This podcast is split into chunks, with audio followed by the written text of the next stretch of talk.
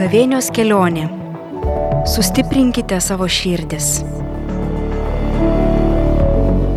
Mintimis dalinasi Švento Kazimiero parapijos klebonas kunigas Rolandas Karpavičius. Esame gavėninėje kelionėje, pirmasis mūsų gavėnio šeštadienis, vasario 17. Šios dienos Evangelija tiesiog leisti jai kalbėti mums. Iš Evangelijos pagal Luką. Išėjęs Jėzus pastebėjo muitininką, vardu Levę, sėdinti muitinėje prie stalo ir tarė jam, sek paskui mane. Tasai viską palikęs, sekė paskui jį. Levis savo namuose iškėlė jam didelį pokelį. Prie stalo susirinko gausus burys muitininkų ir kitų svečių. Fariziejai ir jų rašto aiškintojai murmėjo ir prikaišiojo mokiniams, kam jūs valgote ir geriate su muitininkais ir nusidėjėliais. O Jėzus atsiliepė, nesveikiesiems reikia gydytojo, bet ligonėms. Aš atėjau šaukti į atgailą neteisiųjų, o nusidėjėlio.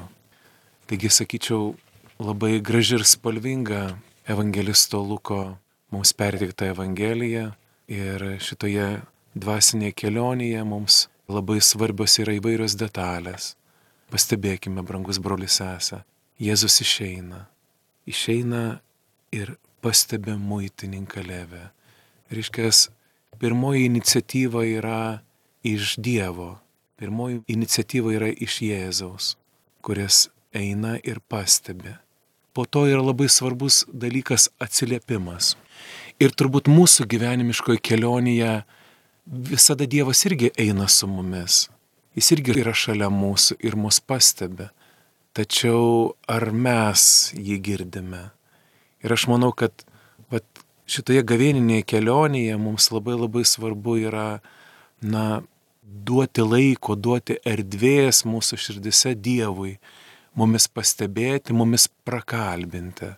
Kitas momentas įdomus yra tai, kad kur Jėzus susitinka su šiuo muitininku, susitinka jo darbo vietoje. Mes kartais galvojam, kad tik tai mūsų maldos kambaryje ar bažnyčiose ar bendruomenėse, kur susitinkam, kad tik tai ten Dievas kalba. Ne, Dievas į susitikimą su mumis eina ir tose vietose, kur mes dirbame. O įdomiausia yra tai, kad Levis šitas mūsų muitininkas, jis dirba labai gėdingą darbą. E, žydams tai yra visiškai nepriimtinas dalykas. Jie visiškai ignoruoja.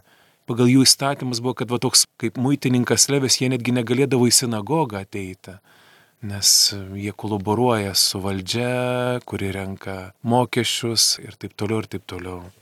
Taigi Dievas ateina į tas gyvenimo vietas, kur mes esame, kur mes dirbam, kur yra mūsų būtis.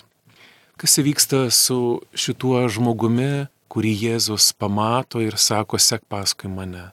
Jis išgirsta, atsiliepia ir, kaip Evangelijoje girdėjome, jis viską palikė sekė paskui jį.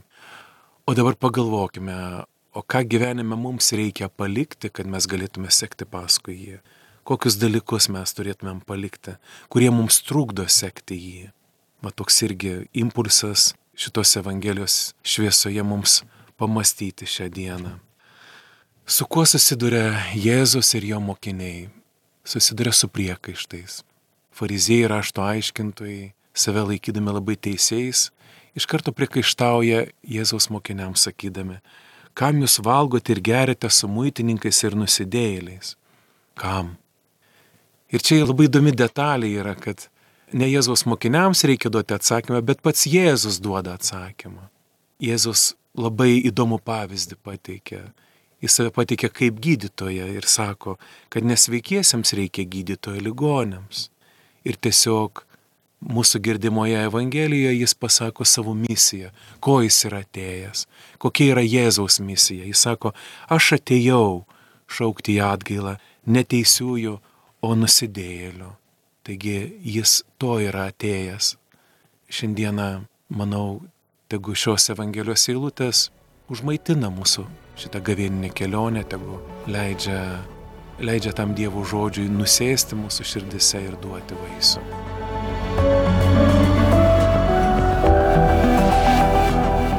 Švento Kazimiero parapijos klebonas kunigas Rolandas Karpavičius.